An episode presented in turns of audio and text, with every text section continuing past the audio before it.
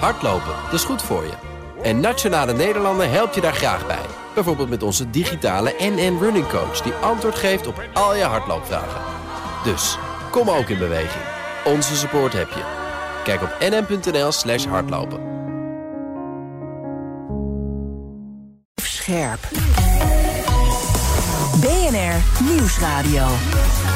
The Big Five. Diana Matroos. Bijna elk bedrijf worstelt ermee in deze tijd. Personeelstekort. En het probleem neemt niet alleen steeds grotere proporties aan. Het einde is nog lang niet in zicht. In BNR's Big Five van het personeelstekort wil ik deze week onderzoeken hoe deze enorme arbeidskrapte is ontstaan en welke impact dat heeft. En nog belangrijker, hoe lossen we dat op? En daarom ga ik deze week in gesprek met vijf top-experts. En vandaag is dat Marcel Levy. Hij was vier jaar ziekenhuisbestuurder in Londen. Schaalde daar meerdere ziekenhuizen op tijdens de coronacrisis. En nu terug in Nederland is hij voorzitter van wetenschapsfinancier NWO. Dat staat voor de Nederlandse Organisatie voor Wetenschappelijk Onderzoek. En alsof het niet genoeg is, werkt hij ook nog eens als internist bij het AMC. één dagje in de week, waar hij vroeger bestuursvoorzitter was. Marcel, welkom. Fijn dat je weer terug bent in onze show, want je bent vaker geweest. Ja, dankjewel. Uh, voordat ik het met je ga hebben over dat personeelstekort in de zorg... en we daar wat dieper op ingaan... wil ik eerst twee dingen van je weten. Allereerst, na vier jaar Londen ben je terug uh, in Nederland. Is er in de tussentijd, los van corona... nou heel veel veranderd in de zorgsector? Nou, wat mij eigenlijk het meeste opvalt... is dat er zo weinig veranderd is in de zorgsector. Dus uh, een heleboel dingen die ik herken... die overigens in Engeland helemaal niet zo heel anders waren... die, ehm, ja, die zijn nog steeds zo die zijn nog steeds zo. Het is weinig veranderd en daar zit misschien ook wel het uh, probleem. Het tweede wat ik van je wil weten. Uh, hoe vaak bel je met Hugo de Jonge voor ongevraagd advies? nou, echt niet vaak hoor. Ik heb uh, Hugo de Jonge één keer gesproken op zijn uitnodiging om kennis te maken. we hebben een heel leuk gesprek gehad op het ministerie over van alles en nog wat. En dat was het. En dat was het. Uh, maar wat zou je hem willen zeggen met al jouw learnings van de afgelopen jaren hier en in de UK? Wat zou je hem nu voor advies willen geven? Oeh, dat is een lastige vraag. Um, uh, want er zijn natuurlijk een heleboel dingen waar, die wel door mijn hoofd schieten... waarvan ik denk van, god, dat zou je misschien toch iets anders moeten aanvliegen... of anders moeten aanpakken. Ik ben me overigens best ook wel bewust van het feit dat het zo makkelijk niet is hè, voor een minister. Je doet het niet snel goed. Wat mij denk ik nog het meest in het oog springt, is denk ik nog eens goed na te denken over de communicatie. Want we weten allemaal dat sommige maatregelen lastig, impopulair, ingewikkeld zijn. Maar de manier waarop het overkomt, althans op mij en ook wel wat ik om me heen hoor, is niet echt. Dat vind ik niet echt heel sterk. Nee, en waar, waar doe je dan op als het gaat over dat 2G-beleid? Nou, het gaat, het gaat onder andere daarover, maar het gaat veel meer over. Um, het beleid wiebelt een beetje. Uh, het gaat dan weer de ene kant op, dan weer de andere kant op. Dat is begrijpelijk, want we staan vaak op het verkeerde been. Maar um, um, dan wordt de stelligheid waarmee we eerst naar links gingen, die maakt plaats voor een stelligheid waarmee we dan naar rechts gingen. Zonder dat daartussenin een tussenzin zit van jeetje, vervelend. Dat hebben we toch niet helemaal goed ingeschat verleden keer. Maar um, nu gaan we het anders aanpakken. En dan, dan klinkt het al gelijk anders. Je noemt nu 2G. 2G is dus deze week in de vrieskist gezet of in de koelkast. Uh, net uh, hoe je daarover denkt. Ja, ja. Maar dat wordt dan weer zo gepresenteerd van... nou, omdat jullie geen 2G willen, gaan wij de avondlockdown verlengen. Die dingen hebben gewoon niks met elkaar te maken. Dus ik vind ook niet dat je ze moet koppelen aan elkaar. Nee, heb je, heb je het gevoel dat er sprake is van paniekvoetbal? Dat het daarom zo wiebelt en dat dat misschien al veel langer aan de hand was in de zorgsector? Want daarmee komen we denk ik ook wel op het personeelstekort uit. Nou, ik denk niet dat, dat onze ministers en, en de hoge ambtenaren dat ze in paniek zijn. Maar het komt wel over alsof we van incident naar incident gaan. En dus nogmaals, die communicatie. En ik weet, er zijn hartstikke veel communicatieadviseurs op al die ministeries.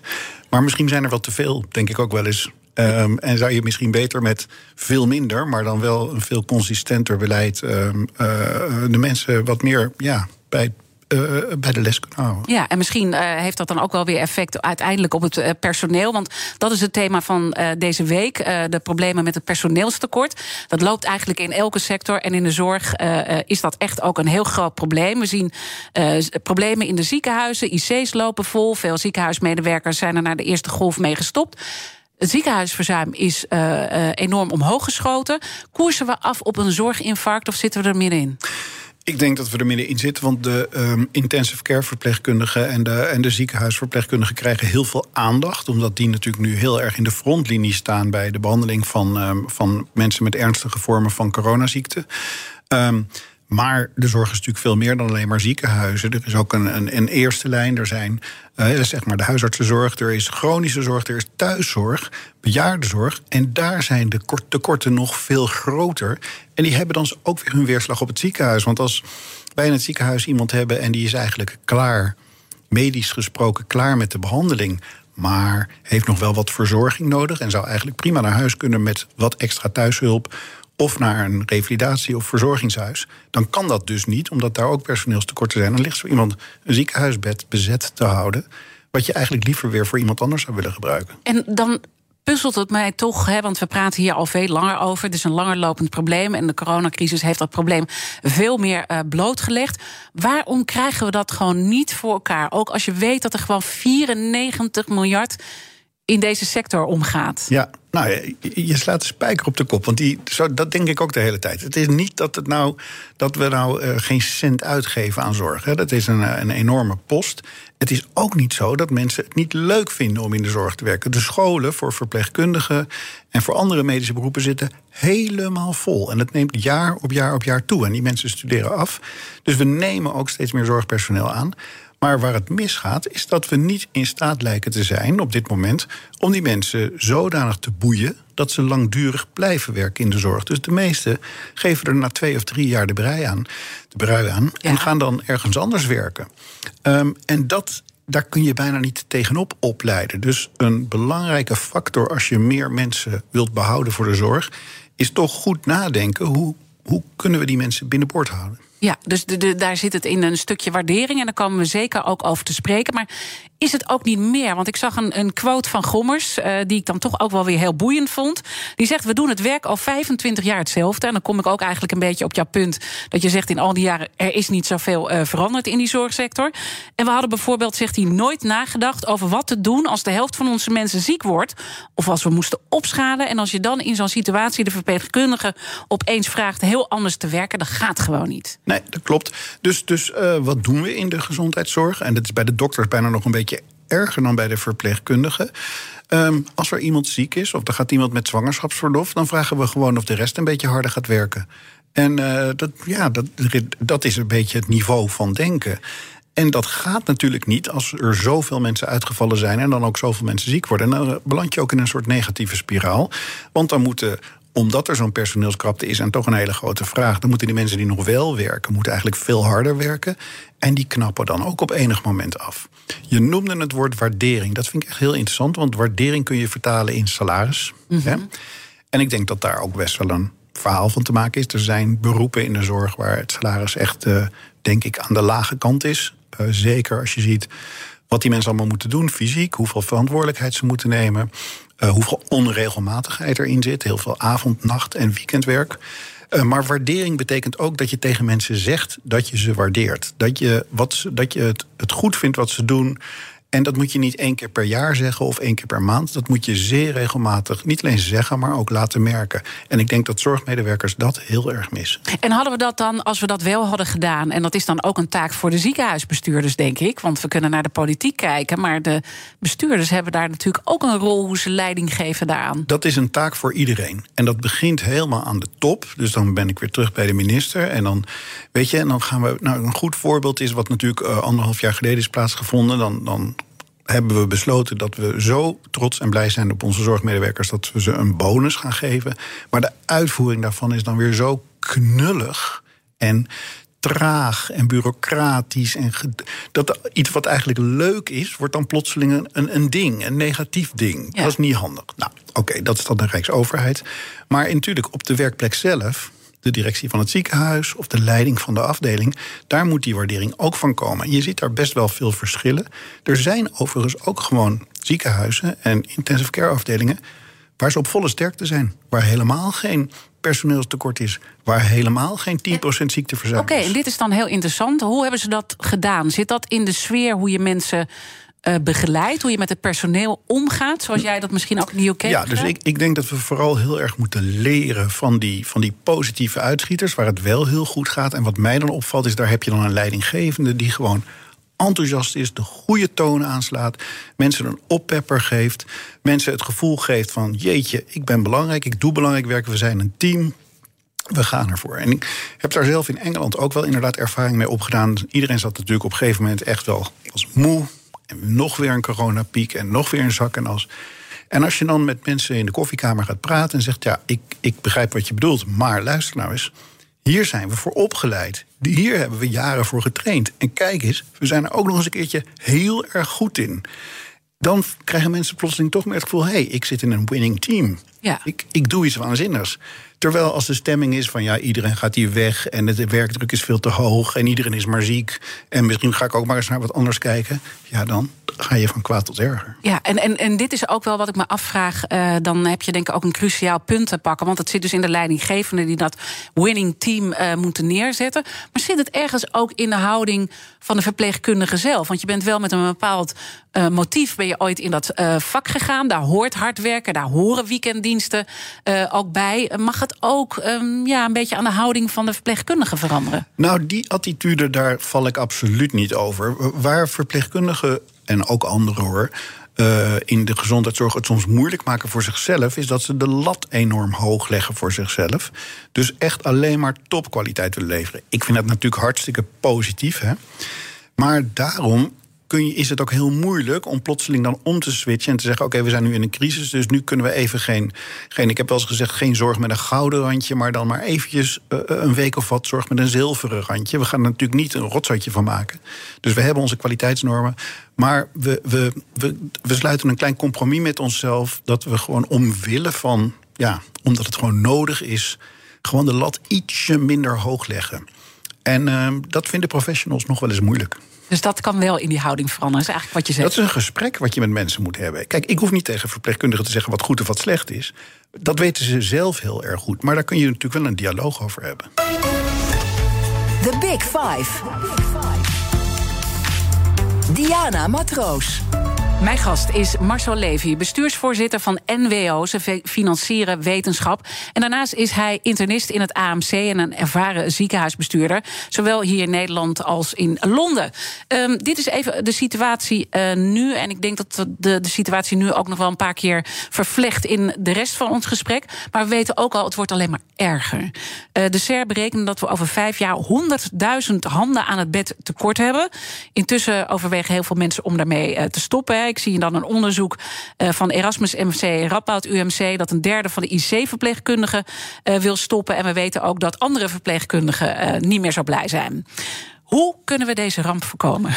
Nou, in de eerste plaats, ik hou totaal niet van doemdenken. En al die mensen die zo extrapoleren in het negatieve. Want dat is het. Hè. Het zijn allemaal maar koffiedikkijkers. Maar het koffiedik is dan altijd slechter dan dan ja, dat het nu Want je begon al te glimlachen toen ik met die cijfers kwam. Dus ja, omdat ik moest denken. Ja, precies. Ja. En ik moet dan altijd denken aan een heel leuk verhaal wat ik, wat ik laatst las. En dat ging over 100 jaar geleden. En toen werd de telefoon uitgevonden. En toen wilde iedereen thuis een telefoon hebben. En uh, dat ging in die tijd nog een beetje anders dan nu. Namelijk dan als je thuis een telefoon had, dan, uh, dan maakte je verbinding met de centrale. En dan zei je met wie je wilde bellen. En daar zat dan een medewerker. En die medewerker die verbond dan die kabel van jou met de kabel van degene die je wilde bellen. En uh, nou, dan kon je een telefoongesprek voeren. En toen stonden er overal berichten in de kranten en, en in de andere media van ja, als het zo doorgaat, dan moet de helft van de beroepsbevolking in een telefooncentrale werken. Nou, en we weten allemaal dat het niet gebeurd is. Waarom niet? Omdat er gewoon technologische ontwikkelingen waren. We kregen andere soorten centrales. We hebben nu allemaal een mobieltje. Er werkt helemaal niemand meer in de telefooncentrale. Nou, dus ik denk dat we in al die doemdenkvoorspellingen veel te weinig gewoon rekening houden met vernieuwing, met innovatie, met dingen die beter of die anders kunnen. En uh, ik geloof ook niet dat je een, een, een, een oude en, en, en zieke zorgbehoeftige ouderen um, met een robotje kunt gaan behandelen. Maar er gaan wel kansen uiteindelijk komen. Maar natuurlijk, er zijn zoveel andere dingen in de zorg waar nu heel veel energie en heel veel tijd in gaat zitten, die natuurlijk makkelijker gaan worden. Ja, dus, dus, oké, okay, dus we moeten niet uh, doemdenken. Tegelijkertijd lossen we daar de situatie uh, nu niet mee op. Hè, want we zien uiteindelijk dat uh, deze hele coronacrisis eigenlijk een zorgcrisis is. En dat ondernemers gewoon moeten bloeden voor het feit ja. dat de zorg niet goed functioneert. Nou, ik vind, ja, dat, dat, dat zie ik nu eigenlijk ook. En ik ben natuurlijk een zorgmannetje. Dus, um, um, uh, maar ik zie ook met ledenogen aan dat alle problemen van de zorg nu afgewendeld worden op andere onderdelen van de maatschappij.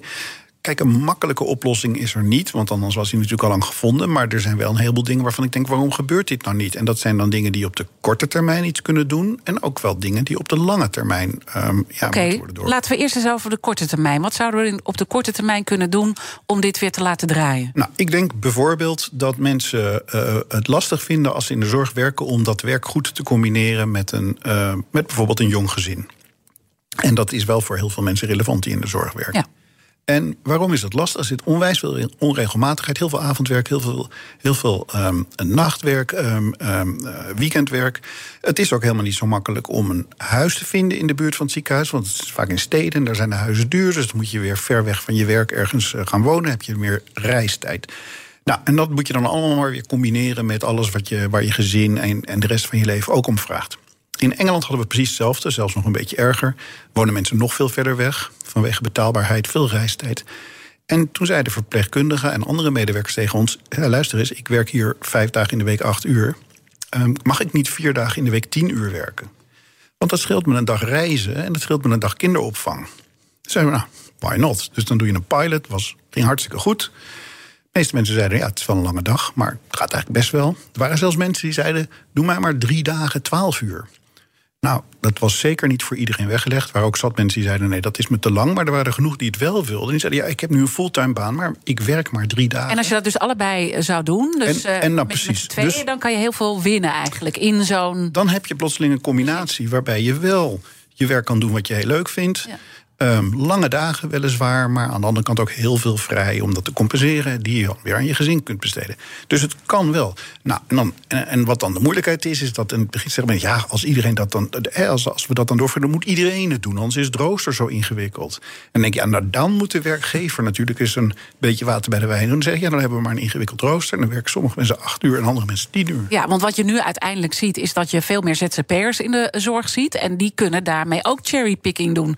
Uh, welke diensten ze wel en niet willen. Want dat is nu uiteindelijk de verschuiving die plaatsvindt. Ja, dus ik, en, en, dat wordt een beetje geïdealiseerd. Want ZZP'ers die kunnen inderdaad een beetje kiezen wat ze willen. En ze kunnen wat meer verdienen. Maar ik denk dat de meeste mensen toch het meeste plezier aan hun werk ontlenen als in een leuk team zitten. Met leuke collega's, met een gevoel van we staan hier samen voor en we komen er samen uit. En dat heb je als ZZP'er natuurlijk helemaal niet. Dan bungel je er altijd maar weer een beetje bij als de buiten Dus je zegt ze willen echt wel. Ze willen echt wel uh, weer in die vaste betrekkingen. Uh, ze, het gaat ook eh, lang niet alleen over geld. Het gaat gewoon over de dingen anders organiseren. Waardoor het gewoon bereikbaarder wordt. Anders organiseren, um, uh, anders waarderen. En toch ook goed nadenken over: oké, dan ben je vier, vijf jaar verpleegkundige. En dan? Want voor veel mensen is het ook een eindstation. Um, en dan heb je al één stap gemaakt. Je bent van gewoon verpleegkundige IC-verpleegkundige geworden. En dan? Er is geen en dan. Dus hoe kunnen we nou het ook voor die mensen spannend en leuk houden?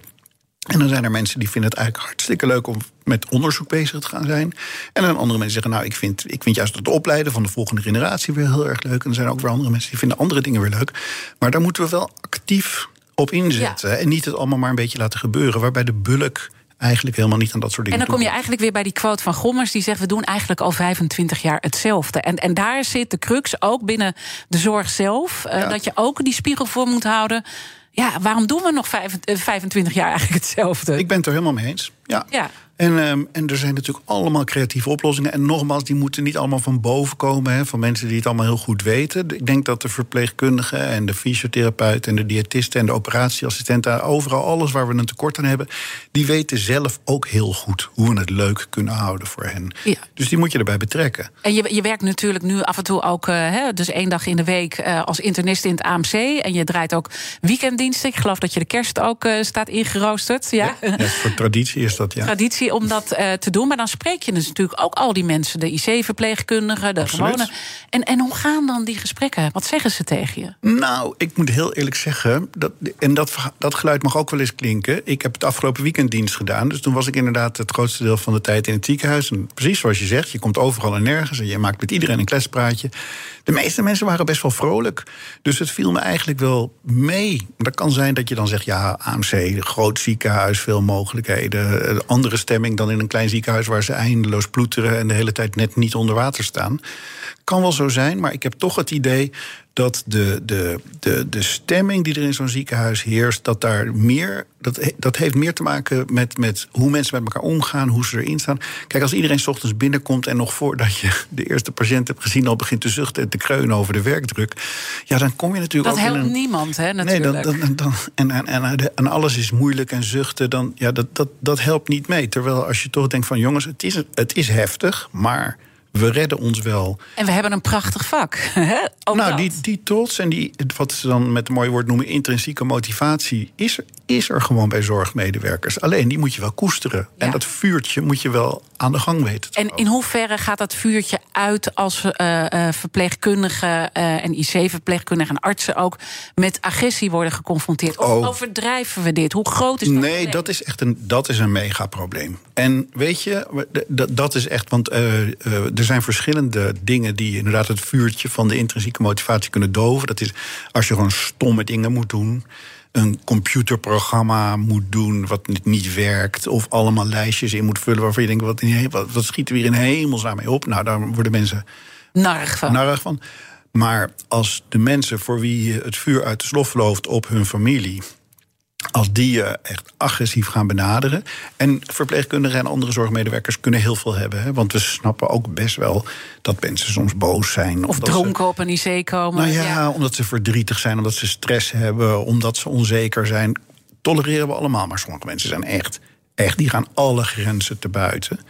En als die niet onmiddellijk hun zin krijgen, dan worden ze verbaal of soms zelfs fysiek agressief. Ja, dan, dan gaat je uh, energielevel wel heel snel naar beneden. Een groot probleem waar dus ook een oplossing voor moet komen. En daar kunnen we in het tweede deel over verder praten. Dan praat ik verder met voormalig ziekenhuisdirecteur in Nederland en Londen, Marcel Levy.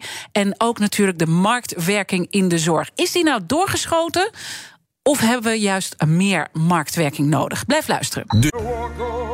Hardlopen, dat is goed voor je. En Nationale Nederlanden helpt je daar graag bij. Bijvoorbeeld met onze digitale NN Running Coach... die antwoord geeft op al je hardloopvragen. Dus, kom ook in beweging. Onze support heb je. Kijk op nn.nl slash hardlopen.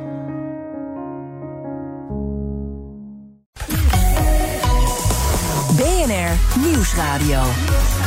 The Big Five. Diana Matroos.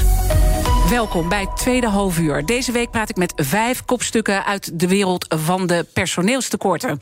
Eerder deze week sprak ik met de baas van het UWV over hoe zij met de ongekende situatie omgaan van meer vacatures in vergelijking tot de werkelozen. Ze gaan meer de werkgever bedienen. Het gesprek is natuurlijk terug te luisteren via onze BNR-app. Mijn gast vandaag is Marcel Levy. Hij is voorzitter van wetenschapsfinancier NWO en internist bij het AMC ziekenhuis, waar hij eerder bestuursvoorzitter was. En de vier jaar hiervoor deed hij dat voor een ziekenhuis in Londen. Maar tot komend half uur wil ik in ieder geval nog twee onderwerpen met je bespreken. Namelijk of de wetenschap een rol kan spelen in het oplossen van personeelstekorten in de zorg. We hebben al een klein beetje ook uh, over gehad, hè, als het gaat om het technologische aspect. En over de doorgeschoten marktwerking. Om met dat laatste uh, maar te beginnen. Ik sprak jou eerder ook hierover. En jij zit er wat genuanceerder in. Je zegt het is niet één weg die je moet kiezen. Maar zie je nu in deze crisis dat uh, ergens uh, de regie wel kwijt is... en dat dat ook wel een keerzijde is van de marktwerking die we hebben in de zorgsector? Ja, goede vraag. Um, uh, ik denk dat dit wel een van de grootste pijnpunten is van de afgelopen 18 maanden en het managen van de coronacrisis. Namelijk dat pijnlijk duidelijk wordt dat in het systeem in Nederland op dit moment eigenlijk niemand de baas is. En dat klinkt zo uh, ja, hiërarchisch, maar en, en onder normale omstandigheden is het misschien helemaal niet zo erg dat we een systeem hebben waarin verschillende partijen elkaar een beetje in balans houden. Maar als het even spannend wordt, of als het echt krap wordt, of als er echt de nood aan de man is, nou, ik geloof dat je dat allemaal wel mag zeggen over de afgelopen maanden, zeker zo nu en dan dan is het wel heel fijn dat er gewoon iemand is. Oké, jongens, we hebben het er nu een tijdje over gehad. En, maar nu gaan we toch echt allemaal naar links. Punt. En dan gebeurt het ook. Ja. En dat mis je natuurlijk heel erg. Niemand heeft eigenlijk die rol. Niemand uh, pakt die rol of niemand kan die rol pakken. En ja, dat leidt tot besluiteloosheid en traagheid. En dat kun je in een crisis gewoon echt niet hebben. En dat is eigenlijk wat je net benoemde. Het, het wankele beleid eigenlijk uh, van een Hugo de Jonge en alle mensen die daarbij uh, horen. Het twijfelachtige daarbij ook in de communicatie. want een uh, minister zoals Hugo de Jonge heeft natuurlijk wel uh, ook tools om binnen de wetgeving bepaalde dingen te doen en de regie te pakken, toch? Ja, ik denk dat je als minister kun je twee dingen doen. Je hebt gewoon wettelijke instrumenten waarmee je gewoon dingen door kunt drukken. Soms heb je die overigens niet, maar je hebt ook gezag. En je kunt gerust, al heb je niet het, de wettelijke doorzettingsmacht uh, kun je gerust de partijen bij elkaar roepen. Die komen echt wel hoor, als je ze uitnodigt op het ministerie. En dan zeg je, dan gaat niemand deze Kamer uit voordat we dit opgelost hebben. En dat we morgen kunnen gaan beginnen aan het uitvoeren van die oplossing. Um, en dat mis ik heel erg. Mm -hmm. Dus iedereen gaat zijn eigen gang. En als de dus die gesprekken eigenlijk, dat jij ook zegt... ik ben één keertje geweest voor een koffie... Uh, terwijl je zoveel ervaring hebt, ook in het buitenland en hier... Uh, dat speelt in de breedte. Nou, het gaat zeker niet om mij. Uh, waar het, nee, daarom zeg ik de breedte. Hè? Ja. Er zijn er meerdere uh, mensen die daar eigenlijk hadden moeten zitten. Ja, nou, ik vind een goed voorbeeld um, um, um, toch een beetje de, de, de, erg trage manier waarop de vaccinaties in Nederland in der tijd op gang zijn gebracht. Oké, okay, er is al genoeg over gezegd. Maar nu gebeurt het weer. En dan denk ik, jeetje, hebben we dan ook niet geleerd van wat we toen niet goed hebben gedaan? En nu zie je toch ook weer van, ja, iedereen moet het ermee eens zijn. En zelfs de GGD in Zeist-Zuid, die moet het goed vinden, want anders gebeurt het gewoon nergens niet. En, en, iedereen heeft weer een andere mening en doet het weer anders en wil weer een ander computersysteem en een andere brief uitsturen.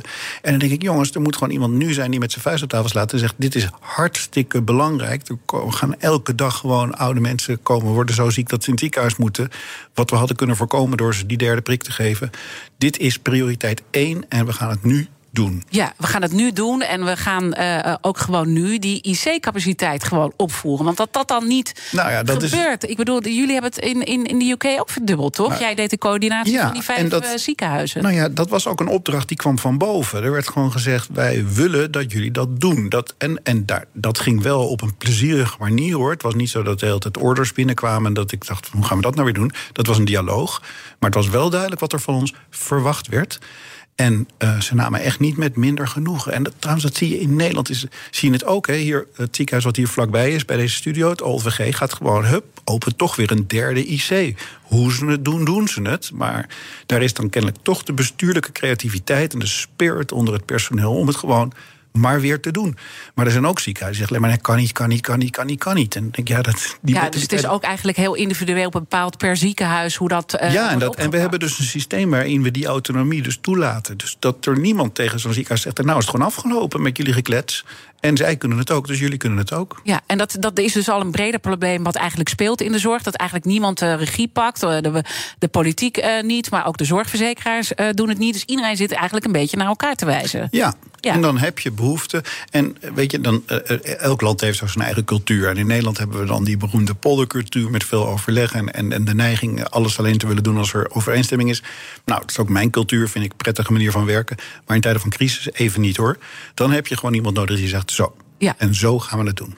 Uh, misschien is het mooi om ook hier de kettingvraag uh, bij te pakken. Want in de vorige aflevering heb ik gesproken met Merel van Vroonhoven. Ik sprak natuurlijk met haar over de tekorten in het onderwijs. Uh, omdat ze daar natuurlijk nu ook in werkt. En we zien haar natuurlijk nou, boeken ook er, erover schrijven en overal optreden. En ze had deze vraag voor jou. Er zijn heel veel parallellen tussen het onderwijs en tussen de zorg. Ook in de zorg hebben marktwerking en decentralisatie geleid tot heel veel versnippering en een doorgeslagen Ook daar is sprake van veel, werkdruk, lage salarissen en weinig toekomstperspectief als het gaat om personeelsbeleid. De commissie Terpstra beveelt een samenhangende aanpak. Dat is voor het onderwijs ook van groot belang. En hij zegt er moet veel meer worden samengewerkt op regionaal niveau.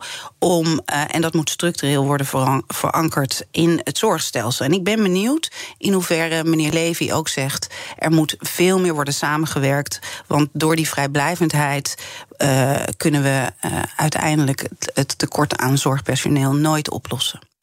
Ja, ik vind het heel leuk dat ze dat zo formuleert. Want uh, ik herken het enorm. En het is overigens niet alleen zo in het onderwijs. Het is ook zo in de gezondheidszorg. Maar misschien ook nog wel op andere terreinen in onze maatschappij. En we, we komen eens langzamerhand tot het besef dat er gewoon dingen zijn in onze samenleving. die we gewoon graag voor iedereen goed, toegankelijk, laagdrempelig en, en goed gespreid georganiseerd willen hebben. Punt. En hoe doe je dat? Nou, dat doe je door een planning te maken. Door te zeggen, nou, we, gaan het zo doen. Dat, Ik denk dat de regio eigenlijk best een mooie unit is om heel veel van die dingen te plannen. Want in Friesland is het nou eenmaal anders dan in de Randstad. Maar dan heb je wel een regionaal plan. En daarop baseer je dan je behoefte en je capaciteit.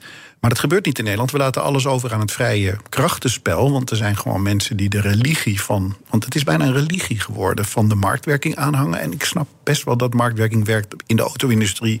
Of als je een telefoonabonnement wilt verkopen.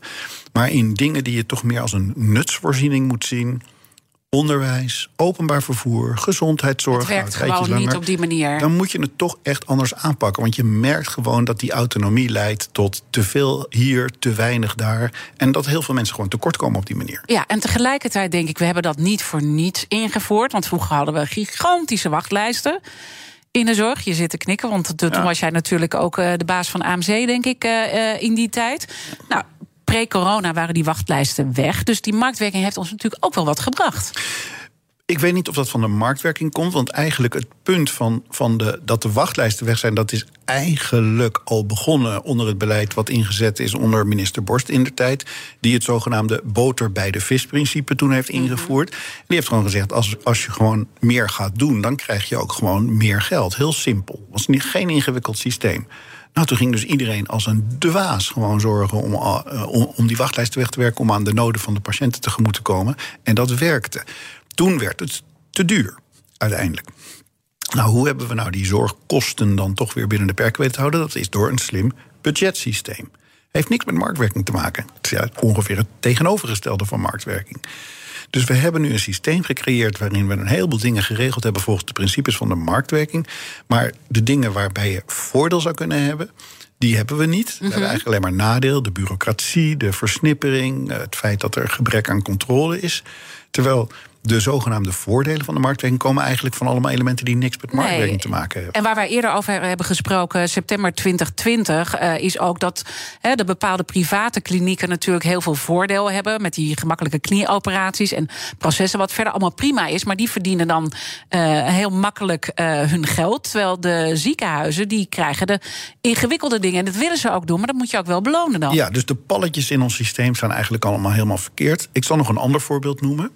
Ziekenhuizen moeten natuurlijk um, investeren. Die hebben gebouwen nodig en die hebben apparaten nodig. En dat geld wat ze bijvoorbeeld moeten, uh, wat ze nodig hebben om een nieuw gebouw neer te zetten, omdat het oude gebouw niet goed meer is, dat moeten ze lenen van de bank. En uh, daar betaal je flink veel rente voor. Dus daar gaat een zeer aanzienlijk deel van onze zorgpremies gaat gewoon weg aan rente die betaald moet worden aan de bank.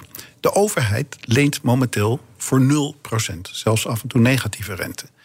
Dus als de overheid zou zeggen, nou, ziekenhuizen zijn dingen van algemeen belang, wij stellen ons garant, dan zou die rente waarschijnlijk veel dichter in de buurt van de 0% zitten dan in de mhm. buurt van de 5% waar we nu zouden zitten. Dan besparen we dus in één keer een gigantische sloot. Oké, dus dat zou heel erg uh, helpen. Maar ik denk ook wel dat een win zit. Hè, want uh, ik zag dat Amsterdam UMC nou, heel erg die samenwerking opzoekt. Bepaalde complexe zorg, uh, die doen zij dan. Maar ook weer afspraken met klinieken in de regio hoe ze dat kunnen oppakken. Maar toch zie je ook in deze coronacrisis dat ziekenhuizen elkaar ook een beetje de tent uitvechten. ik bedoel, ook een coronaziekenhuis is er om die reden niet gekomen. Nee, nou ja, daar, daar coronaziekenhuis moeten we het misschien zo maar even over hebben. Maar het, het, het punt wat je beschrijft is dus het, is concurrentie tussen ziekenhuizen. Ja. en dat zie je ook in corona, want voor elke uitbreiding van je IC voor coronapatiënten kun je minder operaties doen en je verdient je geld met operaties. Dus er is, ons systeem gaat uit van concurrentie. Mijn winst is het verlies van, van de ander. Terwijl als je een systeem bouwt wat uitgaat van regionale noden van de bevolking, van behoeften, van capaciteit, dan hoef je niet te vechten om om, uh, nee, maar, maar daar zit dan uh, toch wel een beetje de crux. Want ook uh, Terpstra, die een commissie voorzit om dit ook allemaal te onderzoeken. Ja, die, als je hem in interviews ziet, misschien moeten we hem ook eens spreken. Maar is hij gewoon ontzettend teleurgesteld? Want ja, die marktwerking die heeft een averechts effect. En hij heeft niet veel hoop dat dat gaat veranderen. Want hij is al te lang mee bezig met dit. Nee, dus ik denk ook dat we dat moeten heroverwegen voor grote delen van de gezondheidszorg. Er zijn ook wel deeltjes die zich wel lenen voor elementen van marktwerking. Mhm. Zorg waar je wel een keuze hebt, waar je wel uh, persoonlijke overwegingen uh, omwille van kwaliteit, prijs, et cetera, de voorkeur kunt laten geven aan het een of ander. Maar grote delen van de zorg lenen zich daar gewoon niet voor en moeten we gewoon met z'n allen organiseren. Zometeen praat ik verder met Marcel Levy, bestuursvoorzitter van wetenschapsfinancier NWO en internist in het AMC. Maar eerst even naar BNR Breekt, want ik ben natuurlijk super benieuwd naar het breekijzer dat jullie zometeen hebben om 11 uur. Ja, dat snap ik. We gaan het natuurlijk hebben over het rekeningrijden, want dat blijkt nu toch wel in het nieuwe regeerakkoord te staan, dat dat eh, in een volgende kabinetsperiode ingevoerd gaat worden. Rekeningrijden, wat was dat ook alweer? De rijder betaalt. Hè? Hoe meer kilometers, hoe hoger de rekening. Nou, dat zet kwaad bloed bij elektrische rijders. Want alle auto's gaan belast worden. En elektrisch rijden, ja, je uitstoot is significant minder dan de gemiddelde benzineauto. Wij gaan erover praten in BNR Breek met ons breekijzer. De stelling: rekeningrijden moet niet gaan gelden voor elektrische auto's. Praat mee vanaf 11 uur 020 468 4 keer 0 Ik hoor je heel graag live in BNR Breekt. BNR Nieuwsradio. The Big Five. Diana Matroos. Je luistert naar BNR's Big Five van het personeelstekort. Eerder deze week sprak ik met SER-voorzitter Mariette Hamer over de nodige hervormingen op de arbeidsmarkt. Dit gesprek is terug te luisteren via bnr.nl. Mijn gast vandaag is Marcel Levy. Hij is bestuursvoorzitter van wetenschapsfinancier NWO en internist in het AMC. We gaan straks nog eventjes over die NWO-functie uh, praten die je doet. Want uh, daar nou, gaat een soort miljard euro in om richting de universiteiten. Misschien dat daar ook nog een, iets uitgepakt kan. iets uitgehaald kan worden. Maar je zei net, laten we het nog even over dat coronaziekenhuis hebben. Ja, iedereen heeft nu over. Omdat er zoveel druk op, op, op, op de ziekenhuizen staat vanwege coronapatiënten. en het feit dat dat allemaal maatschappelijke implicaties heeft. van nou, waarom zonderen we die coronapatiënten niet af. en maken we niet gewoon een apart ziekenhuis? Misschien hebben we nog wel ergens een sporthal die leeg staat. of een oud ziekenhuis oh ja, wat niet meer in gebruik is. Om maar eens ja. voorbeeld te noemen. Nou, en dan denk ik, ja, jongens, kijk nou eens ook hoe dat in het buitenland gegaan is. Toen ik in Londen zat, uh, tijdens de coronapieken toen uh, heeft de Engelse regering besloten om vijf coronaziekenhuizen te bouwen. Florence Nightingale's Hospitals. Um, ik was, zat zelf in het bestuur van Nightingale Londen. Uh, in het Excel Centrum. Dat is een soort RAI, congrescentrum. Maar dat was omgebouwd tot ziekenhuis. Voor duizend mensen met een optie om te door te groeien naar 3000 mensen. Intensive care patiënten. Er zijn nooit meer dan 37 patiënten opgenomen geweest. Het was niet te doen. Het is een oversimplificatie van ernstige coronaziekten. Die mensen hebben niet alleen maar die longproblemen, die hebben problemen met hun nieren, die hebben problemen nou, met ongeveer. Die moet je gewoon in het ziekenhuis houden. Die moet je in een ziekenhuisomgeving verplegen. Ik kan me voorstellen dat je zegt, nou dan hebben we aparte afdelingen op ziekenhuizen waar we de mhm. coronapatiënten komt. Maar dat doen we nu ook al. Dus je zou misschien kunnen zeggen, nou dan hebben we misschien ziekenhuizen waar ze dat vooral doen. En die doen dan wat minder van andere dingen. Daar zouden we wel wat aan kunnen sleutelen. Maar een coronaziekenhuis is echt een oversimplificatie. Excel Londen heeft honderden miljoenen gekost. En letterlijk nooit meer dan 40 patiënten geweest. Excel Birmingham was gewoon een verpleegde huis. Excel Manchester, idem dito. Excel Midlands is nooit van de grond gekomen. Terwijl je er wel in geloofde, want anders was je het ook niet uh, gaan doen. Maar... Nou ja, men gelooft erin. En, okay, um, ja, wist wel dat het niet ging werken. Maar het grote probleem was, waar komt het personeel vandaan? En dat, de dreiging was dat dat dan ontrokken zou worden... aan de ziekenhuizen die het zelf al heel erg druk hadden. Dus het was zeker in de gezondheidszorg niet echt heel populair... maar het is ook gewoon echt grandioos mislukt. We hebben al een aantal mooie voorbeelden, heb je benoemd... Uh, hoe we dat personeel meer nou ja, aantrekkelijk kunnen maken. De banen, hoe we het rooster technisch uh, beter kunnen regelen. Ik weet dat je ook een voorstander bent om de kinderopvang nou maar eens. Uh, nou ja, laten we dat niet helemaal overdoen, want dat heb je in het vorige gesprek al met mij uh, benoemd. Maar als je kijkt naar jouw rol bij de MWO, er gaat natuurlijk heel veel geld om ook in die wetenschapsfinanciering. Zouden daar ook nog bepaalde winpunten liggen richting de toekomst? Dat we dingen ook op een andere manier kunnen doen? Even los van die technologie die je alvast even kort benoemde? Ja, dat denk ik wel. En, um, en dan, nou, natuurlijk kan de gezondheidszorg zelf met slimme oplossingen komen. En daar is ook echt, he, dus een zusterorganisatie van MWO is ZonMW. Dat doet vooral gezondheidszorgonderzoek. Maken ook voor een deel uit. Uh, een deel van het onderzoek maakt ook deel uit van MWO. En dat onderzoek dat, uh, levert hele slimme oplossingen op voor, uh, voor ja, vernieuwingen in de zorg, die um, ook uh, een positief effect kunnen hebben over hoeveel personeel je nodig hebt. De truc is wel altijd, dan hebben we zo'n slimme oplossing, maar hoe gaan we het implementeren? Ik zal één voorbeeld noemen. Um, je kunt de opnameduur van mensen na een operatie kun je aanzienlijk verkorten. Dat is dus hartstikke efficiënt door ze voor de operatie een intensief traject te laten doorlopen met fysiotherapie, voedingsadviezen en. Kijk, nu komen we op een heel interessant punt. Ja. Want dat mist natuurlijk ongelooflijk in uh, de zorg, het hele preventiestuk. Daar kunnen Ja. we zoveel Dus mee besparen. Dit is wetenschappelijk aangetoond hartstikke effectief. Minder complicaties, kortere duur in het ziekenhuis. Maar nou komt het probleem, want nu hebben we dat hebben we dus aangetoond, nu willen we het implementeren. Dan moeten die mensen dus, terwijl ze nog niet in het ziekenhuis liggen, een programma met fysiotherapie, diëtetiek, eh, gezondheidsadviezen krijgen. Dat komt dan uit een ander potje dan het ziekenhuispotje waar de besparing valt. En we zijn niet in staat om tussen die potjes geld heen en weer te sluizen. Dus dan gebeurt het gewoon niet. Dan denk je van, jemig, waarom gebeurt het nou gewoon niet? En dan zijn we weer op het punt waar we het net over hadden. Er is geen doorzettingsmacht. Er is niemand die met zijn vuist op tafel slaat en zegt... nou, het gewoon afgelopen. Er gaat gewoon zoveel miljoen uit het ziekenhuispotje... naar de buiten het ziekenhuiszorg om dit voor Ja. elkaar te krijgen. En spreek je dan de minister aan op dit punt? Of eh, die echt met een groots plan moet komen ook... eh, eh, hoe we nou de zorg op een andere manier moeten inrichten? Of spreek je de zorgverzekeraars nu aan? De, de zorgverzekeraars die, die worstelen hiermee, want die zijn niet goed in staat om geld van het ene eh, silootje naar het andere silootje te shuttelen. We hebben de Nederlandse Zorgautoriteit, die gaat over de tarieven. Die zou dit kunnen doen, maar die lukt het ook niet. En ik vind toch ook wel deels de minister verantwoordelijk, want die kan de NZA opdracht geven en zeggen: Nou jongens, is het afgelopen en nu gaan jullie het gewoon binnen drie maanden geregeld hebben. Gewoon een opdracht geven. Ehm, dus dat is. En, en, en, en zo houdt iedereen elkaar in de houtgreep. Nou, dit is, een, dit is een voorbeeld uit de zorg. Maar het leuke is, je hebt ook andere wetenschapsgebieden. die we denk ik veel te weinig gebruiken om dingen beter te maken in de zorg. Dus om een voorbeeld te geven. Geweldig onderzoek van, mind you, wiskundigen. voor het Centrum voor Wiskunde en Informatica hier in Amsterdam. Wat bijvoorbeeld ambulancezorg super veel efficiënter kan maken.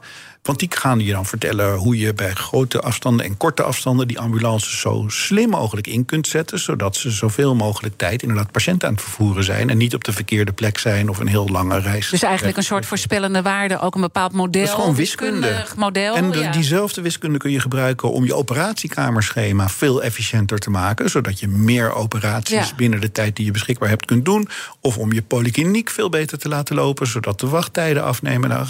En er is geen ziekenhuis in Nederland wat een wiskundige in dienst heeft. Maar dat zou misschien best nog wel eens een goed idee zijn. Nou ja, en misschien eh, zouden ze dan ook de RIVM een beetje kunnen helpen met de modellen. Want ja, je moet nu heel hard lachen. Waarom?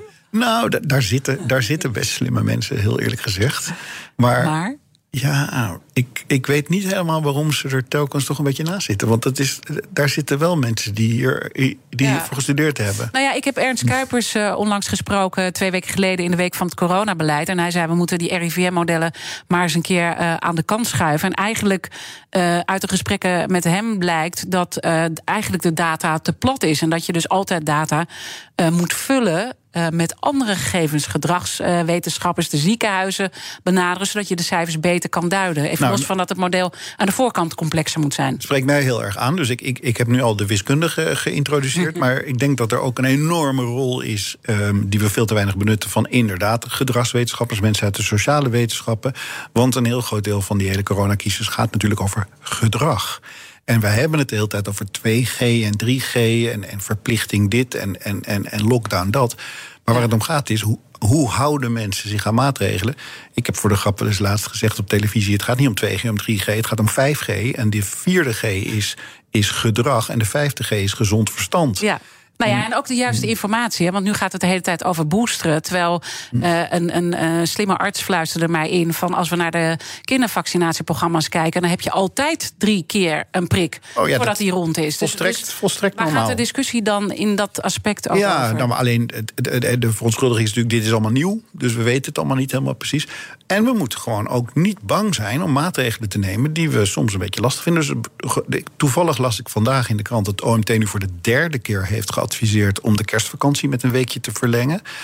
Nou, dat vinden mensen heel erg moeilijk, want we willen natuurlijk de kinderen zoveel mogelijk naar school laten gaan. Maar aan de andere kant denk ik, ik weet niet meer, het kan tegenwoordig anders zijn. Maar toen ik op school zat, was het weekje voor de kerstvakantie, deden we niet zo vreselijk veel meer hoor. Dan hadden we vooral een beetje Nee, veel maar het plezier zit natuurlijk elkaar. ook aan mensen die niet de situatie hebben om die kinderen op te vangen. Maar goed, eh, ik, ik zie, het is weer vechten met de klok. Dat is altijd met jou. Eh, eh, maar laten we nog even de kettingvraag door laten gaan. Want volgende week ga ik aan een nieuwe week beginnen. Het thema is dan nationale veiligheid. En mijn eerste gast die week is Beatrice de Graaf, top-expert op het gebied van radicalisering, rechtsextremisme en terrorisme. Wat zou je aan haar willen vragen? Nou, Beatrice is een heel bijzondere vrouw. En ehm, eh, ik moet altijd een beetje aan haar denken. Want bij NBO, waar ik dus nu werk, is een van de hele grote programma's die we hebben. Is uniek in de wereld overigens. Uh, is een programma dat heet de Nationale Wetenschapsagenda. Dat zijn vragen uit de samenleving, gewoon die leven bij mensen, bij burgers of bij organisaties. Die hebben ze allemaal mogen stellen. En dat is vertaald in een heel groot onderzoeksprogramma, wat antwoord moet verzinnen op al die vragen. En Beatrice heeft daarvan aan de wieg gestaan. Zij samen met Alexander Rinoy-Kan waren de voorzitters van de Nationale Wetenschapsagenda. Toen het begon, dat is vier jaar geleden allemaal gebeurd. Ik ben zo razend benieuwd in het algemeen hoe zij nou terugkijkt. Nu het vier jaar heeft gelopen. Het wordt nu ook geëvalueerd. Maar waarschijnlijk heeft ze ook wel een idee. Vindt het nou een succes? Is ze hier nou trots op of niet? En misschien kan ze ook vertellen wat het heeft betekend voor haar eigen wetenschapsgebied. Hele mooie vragen, die ga ik haar zeker stellen. En uh, ja, dit, uh, hier moeten we het bij laten, Marcel. Ik heb nog honderdduizend uh, vragen. Ik ging je expres niet vragen naar het ministerschap... want dat is echt al oh. te vaak aan je gevraagd. Of moet ik het toch even vragen? Nee, is eigenlijk de eerste keer deze week dat ik niet gevraagd word. Dus. Ja, oké, okay, nou is dat ja. best origineel. dank voor je komst, Marcel Levy... bestuursvoorzitter van Wetenschapsfinancier NWO... en internist in het AMC. Alle afleveringen zijn zoals altijd terug te luisteren. Je weet de podcast inmiddels wel te vinden... Maar blijf vooral de hele dag live met BNR Breekt zometeen. En ik wens je een mooie dag. Hardlopen, dat is goed voor je. En Nationale Nederlanden helpt je daar graag bij. Bijvoorbeeld met onze digitale NN Running Coach... die antwoord geeft op al je hardloopvragen. Dus, kom ook in beweging. Onze support heb je. Kijk op nn.nl slash hardlopen.